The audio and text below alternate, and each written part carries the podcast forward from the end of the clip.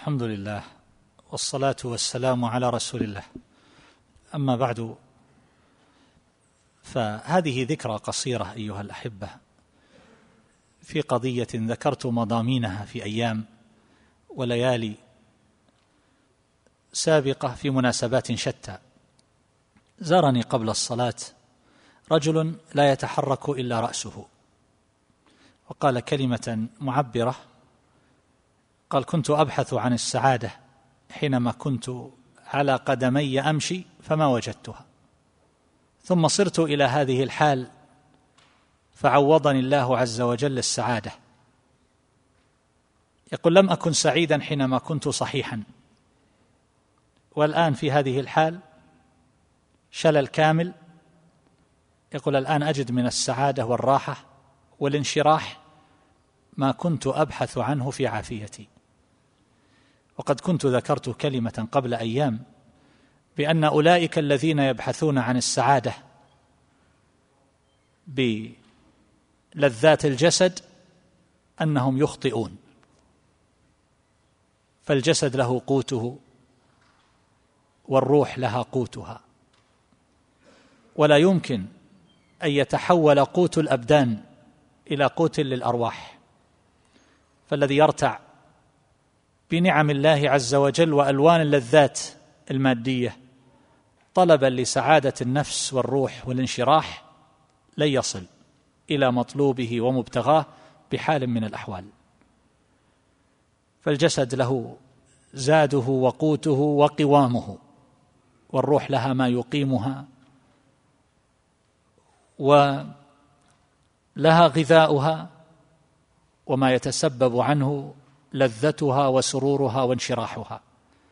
فيصير الإنسان إذا وفقه الله عز وجل وشرح صدره للإسلام يصير في قلبه وصدره من الأنوار والسعادة والانشراح ما لا يقادر قدره بحسب ما عنده من الاستقامة استقامة السير على الصراط المستقيم. فهنا يستنير صدره وتخرج منه تلك الظلمة والوحشة وينبلج ويتسع فلا يعرف للكآبة والكدر معنى. وإنما أذكر هذا الكلام أيها الأحبة لكثرة ما أسمع من الشكوى. ولربما كانت أمور عارضة يسيرة تكدر حياة الناس حياة الإنسان. فتتحول حياته إلى لون من العذاب لأسباب تافهة. وتجد آخرين. لربما فقد كل شيء من اللذات إلا أنه في غاية الانشراح. فهذا معنى نحتاج إلى الوقوف عنده أيها الأحبة. ولا يكفي فيه هذه الكلمة لكن الواحد منا إذا رجع ينبغي أن يقلب النظر في حاله. وما حباه الله عز وجل من النعم المتنوعة والعافية في بدنه وماله وأهله وما إلى ذلك.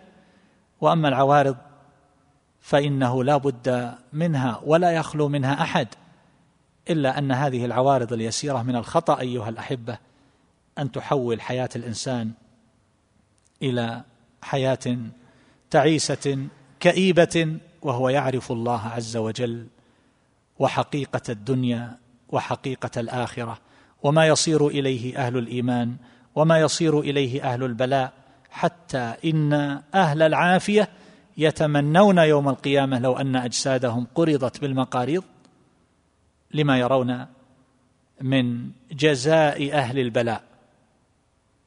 فكل من اعتوره شيء من الكدر فضاق له صدره فليتبصر في حاله ونعم الله عليه وليأخذ قلما وورقة ثم يكتب هذه النعم ويعددها ويصنفها.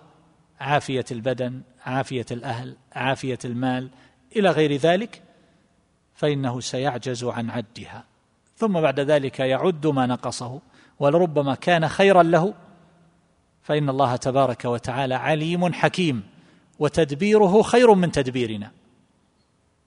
فإذا علم العبد بهذه الحقيقة فإن ذلك ينجلي عنه. وقد سمعت هذا اليوم من يقول بأنه يبكي وهو يحاول أن يصل إلى مرتبة الصبر والرضا فوقه ولكنه لا يستطيع لأنه يدعو الله بأمر لم يتحقق. فقلت له هل تدري أن الله عز وجل يدخر لك إحدى ثلاث؟ إما التعجيل وإما التأجيل في الآخرة وإما أن يدفع عنك من المكروه. قال نعم. قلت هل تعلم أن الله عليم حكيم وأن اختياره خير من اختيارك لنفسك؟ قال نعم.